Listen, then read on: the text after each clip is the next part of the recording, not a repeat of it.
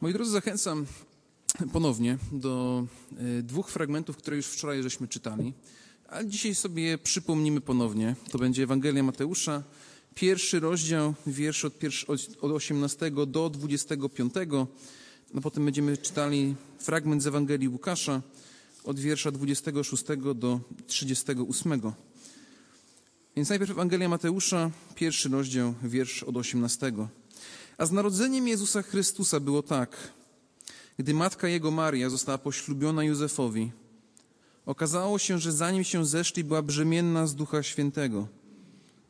A Józef, mąż jej, będąc prawym i nie chcąc jej zniesławić, miał zamiar potajemnie ją opuścić. I nad tym rozmyślał, oto ukazał mu się we śnie anioł pański i rzekł, Józefie, synu Dawidowy, nie lękaj się przyjąć Marii, żony swej, albowiem to, co się w niej poczęło, jest z Ducha Świętego. A urodzi syna i nadasz mu imię Jezus, albowiem on zbawi lud swój od grzechów jego. A to wszystko się stało, aby się spełniło słowo pańskie wypowiedziane przez proroka. Oto panna pocznie i porodzi syna i nadadzą mu imię Immanuel, co się wykłada Bóg z nami. A gdy Józef obudził się ze snu, uczynił tak, jak mu rozkazał anioł pański i przyjął żonę swoją, ale nie obcował z nią, dopóki nie powiła syna i nadał mu imię Jezus. Otwórzmy również fragment z Ewangelii Łukasza, rozdział pierwszy, wiersz od 26 do 38.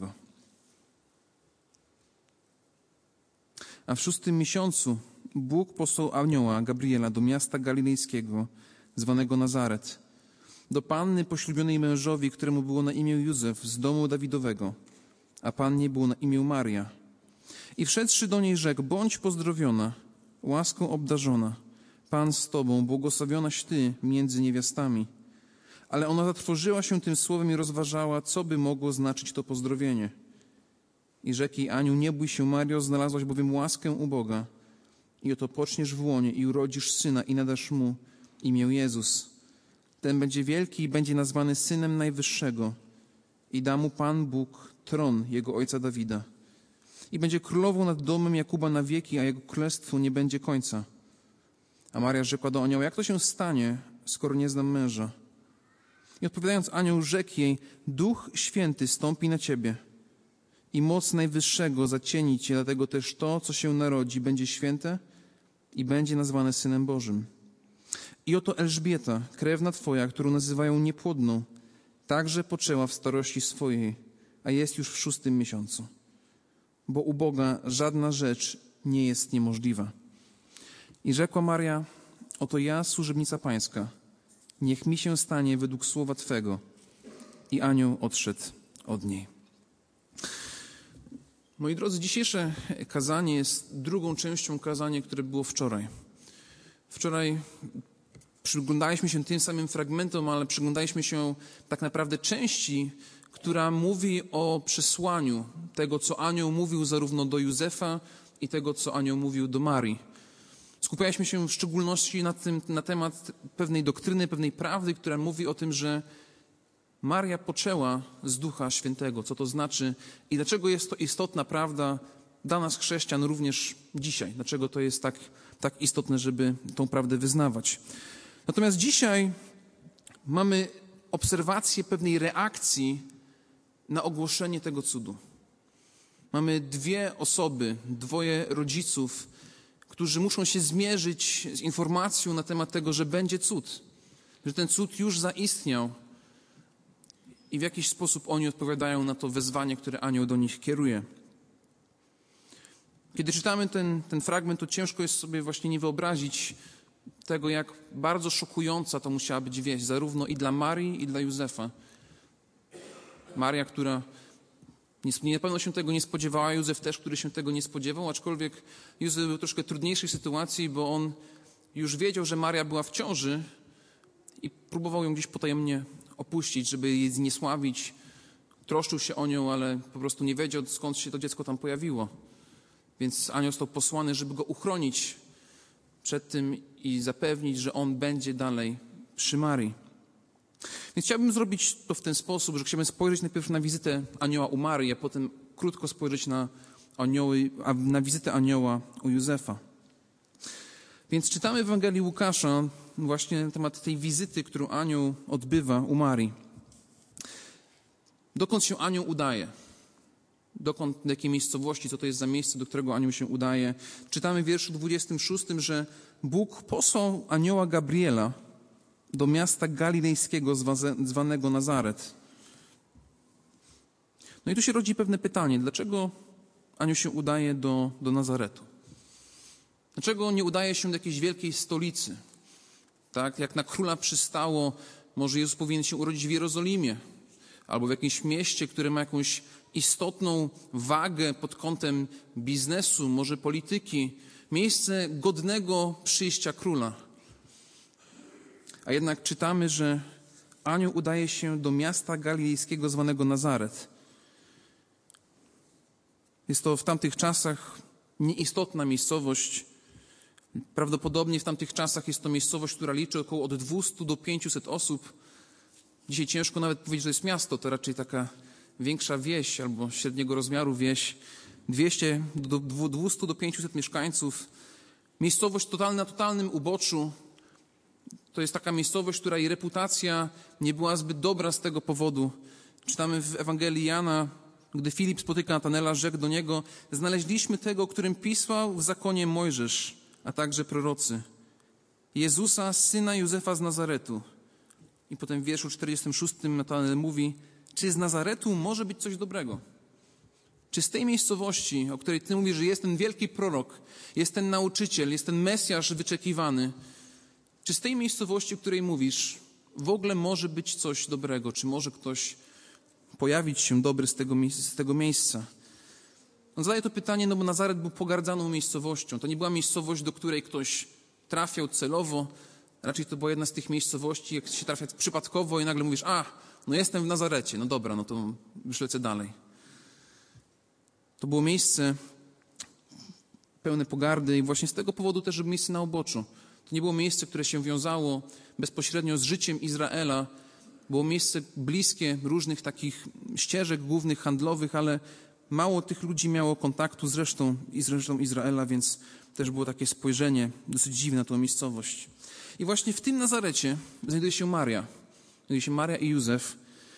Maria prawdopodobnie młoda dziewczyna w wieku około 12-13 lat wiek może szokujący dla nas dzisiaj, ale ze względu na ówczesną kulturę, to w takim wieku, w takim wieku się dziewczyny zaręczały. W wieku około 12-13 lat chłopacy się zaręczali w wieku niewiele starszym, około 14-15 roku życia. Były to często małżeństwa, które były zawiązywane przez rodziców. Ustalali to wcześniej, było nawet takie wiano wnoszone i po krótkim czasie, mniej więcej roku, może dwóch lat, po okresie próby którym wczoraj też troszkę mówiliśmy, dopiero wtedy małżeństwo było w pełni jakby zawiązywane. Więc Maria już jest w tym procesie. Jest w tym procesie, będąc właśnie kobietą, która już jest zawiązana ze swoim mężem, z Józefem, ale jeszcze nie są w pełni małżeństwem w stricte tego słowa sensie. I czytamy w wierszu 27 o Marii, właśnie dlaczego anioł się do niej kieruje. Czytamy do panny poślubionej mężowi, któremu było na imię Józef z domu Dawidowego, a pannie było na imię Maria. Wiersz 27 wskazuje cel podróży anioła. Anioł najpierw się kieruje do Nazaretu, a potem się kieruje do Marii. I czego się dowiadujemy o Marii w wierszu 27? Trzeba przyznać, że nie za wiele. Wiemy, że jest to panna poślubiona mężowi, a tej pannie było na imię Maria. Nie mamy tutaj nic wyszczególniającego Marię. Nie ma, to, nie ma nic wyszczególniającego na tle innych kobiet w tamtym czasie. Jedynie to, że właśnie była panną poślubioną Józefowi. Natomiast Józef był potomkiem największego z królów izraelskich, króla Dawida, ale sam nie był częścią arystokracji, nie był częścią tej linii królewskiej, takiej, która mogłaby ubiegać się o tron. Raczej Józef był stolarzem, był cieślą, który zajmował się po prostu dobrze swoją pracą. Więc mamy tutaj bardzo ciekawą perspektywę, która się już od samego początku zdradza. Anioł idzie do miejsca, które jest nieistotne. Miejsca, które nie jest aż tak ważne w tamtych czasach i wybiera kobietę, albo idź udaje się do kobiety, która również w tamtych czasach nie odróżniała się specjalnie od wielu innych kobiet. Zarówno wybór miejsca, jak i wybór Marii wskazuje na to, że Bóg używa tego, co nieoczekiwane, do tego, żeby realizować swoją wolę. W pierwszym liście do apostoła Pawła do Koryntian, pierwszym rozdziale, wierszach od 25 do 31, to, co tu się dzieje, jest opisywane w sposób taki teologiczny. Pierwszy Koryntian, pierwszy rozdział, wiersz od 25 do 31. Czytamy, bo głupstwo Boże jest mędrsze niż ludzie, a słabość Boża jest mocniejsza niż ludzie. Przypatrzcie się zatem sobie, bracia, kim jesteście według powołania waszego, że niewielu jest między wami mądrych według ciała, niewielu możnych, niewielu wysokiego rodu. Ale to, co u świata głupiego wybrał Bóg, aby zawstydzić mądrych. I to, co u świata słabego wybrał Bóg, aby zawstydzić to, co mocne. I to, co jest niskiego rodu u świata, i to, co w ogóle wzgardzone, wybrał Bóg. W ogóle to, co jest niczym, aby to, co jest czymś unicestwić. Aby żaden człowiek nie chełpił się przed obliczem Bożym. Ale wy dzięki Niemu jesteście w Chrystusie Jezusie, który stał się dla nas mądrością od Boga i sprawiedliwością i poświęceniem i odkupieniem. Albowiem jak napisano, kto się chlubi, w Panu się chlubił. Apostoł Paweł, mówiąc o przyjściu Chrystusa, mówiąc o dziele zbawienia Jezusa Chrystusa, wskazuje na to, że Bóg do tego dzieła wykorzystał środki, które dla nas, dla ludzi są nieistotne, nie są ważne. Miejsca, które nie są ważne, ludzie, którzy nie są w naszej perspektywie istotni. Dlaczego to robi? Żeby wykazać swoją mądrość, żeby obnażyć ludzką mądrość, żeby obnażyć ludzką pychę, ludzką dumę. I widzimy to, kiedy Jezus się pojawia na świecie, kiedy idą mędrcy. Do kogo idą mędrcy? W jakie miejsce się udają? Udają się do króla Heroda, myślą, że tam się będzie Jezus rodził, no bo to jest miejsce, w którym przystało, żeby król się urodził. A jednak dowiadujemy się, że rodzi się w Betlejmie, a pochodzi z Nazaretu, miejscowości, które jak na tamte czasy nie mają aż takiego istotnego znaczenia. Bóg wybiera to, co u świata głupiego, co słabego, do tego, żeby pokazać swoją moc, swoją potęgę, swoją mądrość, abyśmy my mogli patrzeć na to i się tym zachwycać, aby doceniać to, co Bóg wykonuje w tym świecie. Myślę, że to jest jedna z takich praw, które w ogóle wynika z całego nauczania Pisma Świętego, ale w tym czasie bożonarodzeniowym warto również i na to zwrócić uwagę. Warto również na to zwrócić uwagę.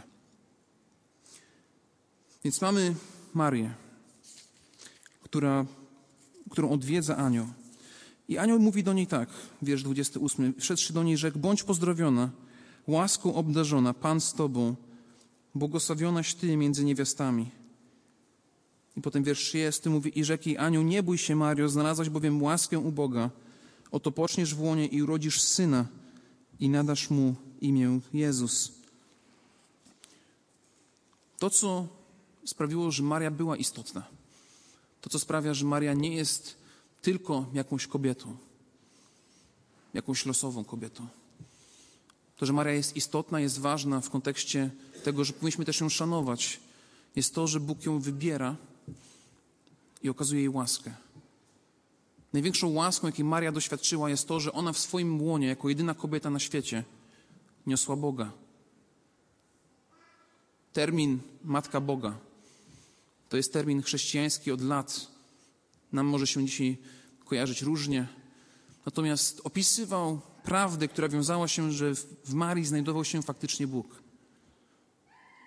Maria miała Boga w sobie i go niosła, ale to nie był wynik jej cudowności. To był wynik tego, że Bóg okazał jej łaskę, coś, na co ona sama nie zasłużyła w żadnym razie. Jedyna rzecz, na którą możemy zwrócić uwagę zarówno i u Marii i Józefa, już wyprzedzając może troszkę do przodu, jest to, że zarówno Maria i Józef to są pobożni, pobożni ludzie. Ludzie pełni wiary od samego początku. Józef czytamy, że jest prawym człowiekiem, a Maria potem, jak dzisiaj czytaliśmy na początku, wychodzi z śpiewem, z radością, kiedy się dowiaduje o tym, że Elżbieta również jest brzemienna. I ona śpiewa i chwala Boga, więc widać, że to są ludzie, którzy żyją z Bogiem. Są to prości ludzie, którzy żyją z Bogiem. Natomiast poza tym błogosławieństwem, które anioł kieruje do Marii, również będzie się wiązało to, co my dzisiaj już nazywamy właśnie narodzinami Chrystusa. Ale musimy sobie wycofnąć się do tamtej kultury i sobie wyobrazić, z czym to się będzie wiązało dla samej Marii.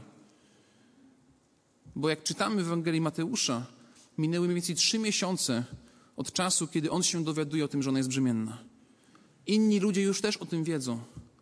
Inni ludzie wiedzą, że Maria jest w ciąży, a jeszcze swoim mężem się nie zeszła. Więc kiedy anioł przychodzi, ogłasza jej, mówi: Mario, będziesz miała syna i to będzie z Ducha Świętego, to Maria musi się godzić na to, że będzie ostracyzm społeczny. Być może ludzie będą mówić różne dziwne rzeczy, być może będą w jakiś sposób tam podpowiadali jakieś rzeczy. O, bo ta Maria, no tak, jest w ciąży, ale jeszcze z mężem nie jest. No z tym Maria musiała się łączyć, z tym musiała się mierzyć. I co więcej, wydaje się, że te plotki się rozchodziły, już nawet w Ewangelii widzimy. W Ewangelii Jana w ósmym rozdziale Jezus rozmawia z różnymi ludźmi i w tych rozmowach wierszu w rozdziale, w rozdziale ósmym czytamy następujące słowa. Mówią do, mówią do Jezusa. A bowiem jesteśmy potomstwem Abrahama i nigdy nie byliśmy u nikogo w niewoli. Jakże możesz mówić, że spobodzeni będziecie? Jezus im odpowiedział, zaprawdę, zaprawdę powiadam wam, każdy, kto grzeszy, jest niewolnikiem grzechu. A niewolnik nie zostaje w domu na zawsze, lecz syn pozostaje na zawsze. Jeśli więc syn was wyswobodzi, prawdziwie wolnymi będziecie. Wiem, że jesteście potomstwem Abrahama, lecz chcecie mnie zabić, bo słowo moje nie ma do was przystępu. Mówię to, co uwidziałem u ojca, a wy także czynicie, co słyszeliście u ojca waszego. I teraz uwaga. Odpowiadając, rzekli mu, ojcem naszym jest Abraham. Jezus im rzeczy, jeżeli jesteście dziećmi Abrahama, spełniajcie uczynki Abrahama. Lecz teraz chcecie zabić mnie, człowieka, który wam zabił prawdę, mówił prawdę, którą usłyszałem od Boga. Abraham tego uczynił i uczynił. Gdy Bóg był waszym ojcem, mówiłaliście mnie.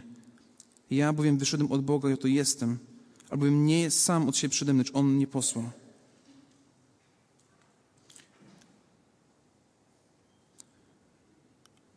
Jezus odrzekł, jeżeli ja siebie chwalę, chwała moja jest niczym. Mnie uwielbia Ojciec mój, o którym mówię, że jest Bogiem waszym. Czyś ty większy od ojca naszego Abrahama, który umarł? Także prorocy umarli, za kogo się uważasz? W tej rozmowie, jeżeli byśmy się przyjrzeli bliżej tej rozmowie, to widzimy, że Żydzi już w tamtych czasach, słuchając Jezusa, zastanawiają się, kto jest jego ojcem.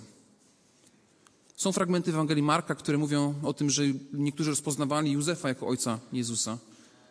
Ale są również ci, którzy zaczynają się zastanawiać, myśleć. Więc są plotki, które się gdzieś tam w tamtych czasach rozchodzą. I pomimo tego, że Maria wie, z czym to się będzie wiązało, pomimo tego, że wie, z czym będzie musiała się mierzyć w swoim życiu, to będzie z wiarą odpowiadała na to, co mówi do niej anioł. Ale zanim jeszcze Maria da tą swoją ostateczną odpowiedź, to anioł próbuje przekonać jeszcze w jeden sposób, zachęcić ją w jeszcze jeden sposób. Zwróć uwagę na wiersz 37. Wiersz 37 mówi, bo u Boga żadna rzecz nie jest niemożliwa. Oto Elżbieta, krewna Twoja, którą nazywasz niepłodną, także poczęła w syna w starości swojej, a jest już w szóstym miesiącu. Maria jeszcze nie zdążyła dać swojej odpowiedzi. Jeszcze nie powiedziała, dobrze, pójdę za tym.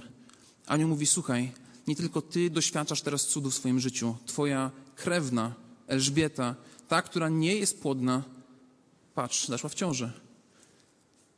Też jest Boży cud. Dlaczego? Bo u Boga nic nie jest niemożliwe. Żadna rzecz nie jest niemożliwa. I skoro Bóg może otwierać zamknięte drzwi, skoro może przemieniać ludzkie serca, skoro Bóg może zmienić naszą sytuację tam, gdzie wydaje się ona beznadziejna, jeżeli to są prawdziwe stwierdzenia, to jak powinno wyglądać nasze życie modlitewne? Jak powinno wyglądać Twoje życie modlitewne? W jaki sposób powinno wyglądać Twoje życie? Jeżeli te stwierdzenia są prawdziwe, a są, to z jaką ufnością modlisz się dzisiaj do Boga w sytuacji, w której Ty się znajdujesz? Posiadanie potężnego i wszechmocnego Boga, dla którego nie ma nic niemożliwego, powinno wzbudzać w nas coraz większą ufność do Niego, coraz większą ufność do Jego osoby, a im lepiej będziemy Go znali, im więcej będziemy wiedzieć na temat tego, co On czynił, czynić i czynić będzie, to tym większe powinno być nasze zaufanie w tych rzeczach małych i w tych rzeczach dużych. Myślę, że nikt z nas nie stoi przed podobnym dylematem jak Maria. Nie ma tak wielkich problemów zastanawiania się, czy Bóg na pewno wykona to, co się wydarzyło. Raczej właśnie widzimy, że nasze problemy w porównaniu z tym, co tutaj czytamy, są, są mniejsze, a jednak też wymagają od nas zaufania. No i tu już jest pytanie, jaka była reakcja Marii w tym wszystkim, to do czego próbujemy zmierzać, to do czego próbujemy dążyć. I widzimy, moi drodzy, jest to, że reakcją Marii jest reakcja pełna ufności. Maria rzekła: Oto ja, służebnica Pańska, niech mi się stanie według słowa Twego. I anioł odszedł od niej. Jak to mówi hrabia zemsty Aleksandra Fredro, niech się dzieje wola nieba, z nią się zawsze zgadzać trzeba. To jest nastawienie, jakie Maria w tej sytuacji przejawia. To jest to, co się tutaj dzieje. Co więcej, słowa, których Maria używa w tej swojej wypowiedzi, oto ja, służebnica pańska, są bardzo mocne w wydźwięku. Tu się pojawia słowo dulos, które oznacza słowo niewolnica i wskazuje, że Maria całkowicie poddaje się temu, co mówi do niej anioł. Całkowicie jej życie i jej postępowanie jest poddane pod wolę Bożą. W stu procentach. Maria nie szuka wymówek. Maria nie mówi, potrzebuję jeszcze trochę czasu, zastanowię się. Maria nie mówi, ale Gabriel, no wiesz, nie wiem, czy dobrze usłyszałeś, czy Bóg na pewno dobrze ci to powiedział, bo wiesz, dla mnie teraz nie jest najlepszy czas, teraz przygotowuję się do moich zaręczyn, do mojego ślubu. Może trochę warto poczekać. Ten moment dla mnie nie jest najlepszy, dużo się dzieje w moim życiu. Moi drodzy, życie chrześcijańskie to nie jest życie negocjacji z Bogiem. Naszym zadaniem i celem jest bycie w ciągłej gotowości do tego, aby być posłusznym do tego, czego Bóg nas wzywa, do czego Bóg nas powołuje i w ufności do tego przystępować. Właśnie zaufanie jest jedną z takich istotnych rzeczy, które wiążą się z naszą wiarą. Zaufać to znaczy wierzyć, angażować się i zobowiązywać się wobec Boga. Że nasze myśli, nasze serce są ukierowane ku Niemu i to, co On mówi, mówimy dobrze, to jest prawdą. Ufamy temu. To się również wiąże z tym, że jest to jeden aspekt naszej wiary, drugi aspekt to jest ten aspekt intelektualny. Że z jednej strony ufamy, z drugiej strony próbujemy zrozumieć. Życie Jezusa rozpoczyna się od słów, niech mi się stanie według słowa Twego. Jeżeli Jezus, spojrzymy na, w końcówkę życia Jezusa, również kończą się słowami Jezusa, Ojcze, jeśli chcesz, oddal ten kielich ode mnie. Wszakże nie moja, lecz Twoja wola niech się stanie. Kiedy Jezus się rodzi, pojawia się wola Boga. Kiedy Jezus umiera na krzyżu, również są te słowa wypowiedziane. Niech się dzieje Twoja wola. Nie jako moja, ale Twoja. Dopiero kiedy mamy tę świadomość, że wiara wiąże się z naszym pełnym zaufaniem, to widzimy sens tego, co mówi Jezus, że będziesz miłował wtedy Pana Boga swego z całego serca swego i z całej duszy swojej i z całej myśli swojej i z całej siły swojej. Wiara zaufanie. To jest angażowanie każdej emocji, każdej siły, każdego, część, każdej części naszego intelektu, które mogą się związać z tym, żeby zaufać Bogu w tym, co mówi. Całe serce, cała dusza, cała myśl i cała siła są związane z zaufaniem Bogu. Drogi bracie, drogi siostro, droga siostro, przyjacielu, czy Twoje serce znajduje się w tym miejscu? Czy Twoje serce jest w stanie stwierdzić, w ten sposób ufam?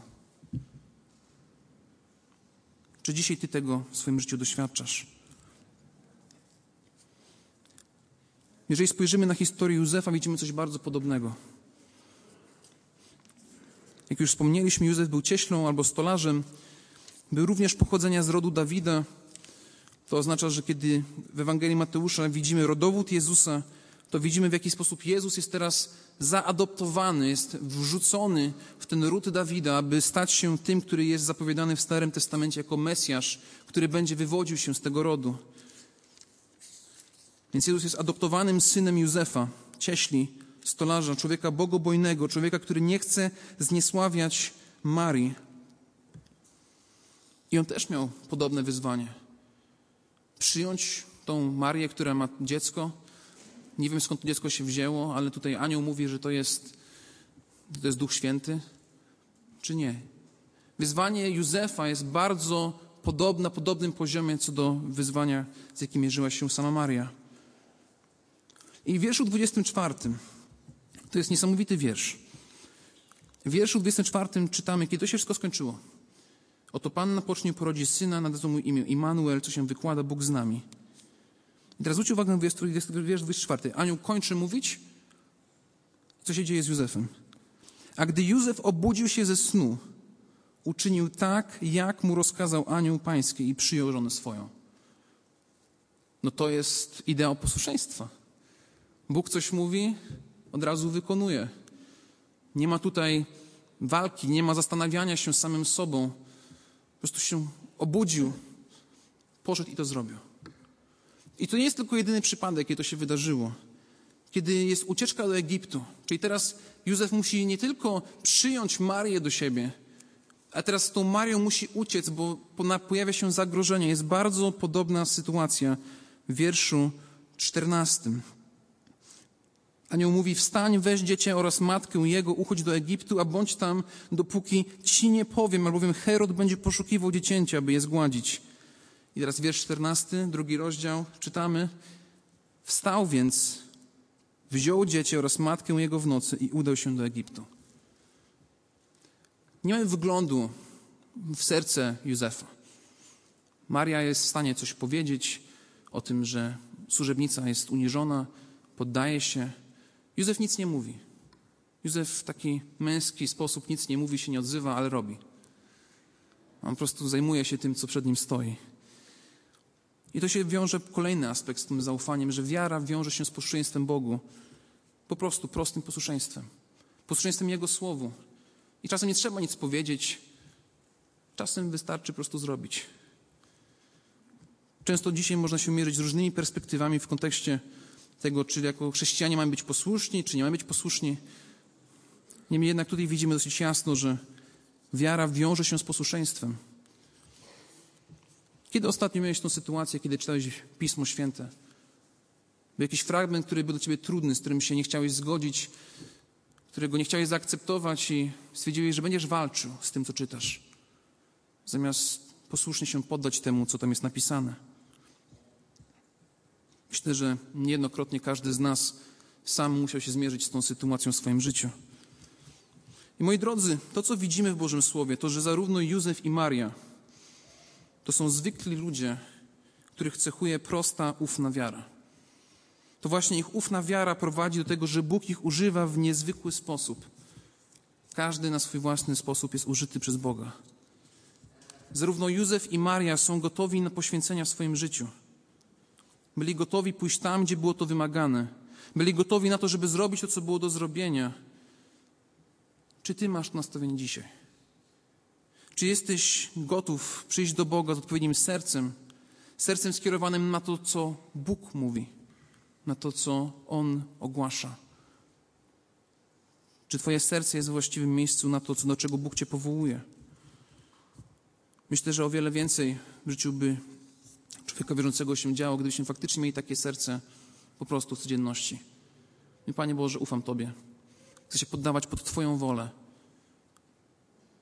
pokornie przychodzić do Boga, pokornie słuchać Jego słów i po prostu za nimi podążać. To jest całe życie chrześcijańskie. To jest dzisiaj, to jest jutro. To nie są tylko święta Bożego Narodzenia. To powinno być nasza, nasze nastawienie w naszej codzienności. Czy jest to Twoje nastawienie dzisiaj? Z tym pytaniem chciałbym Cię zostawić. Moi drodzy, powstańmy pomodlę się na koniec.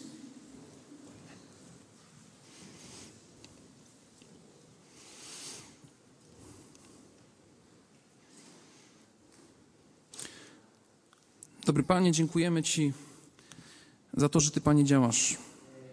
Działasz potężne rzeczy i, Panie, czasami my tych rzeczy nie rozumiemy. Ale, Panie, ucz nas właśnie tego, żebyśmy mieli prostą, ufną wiarę.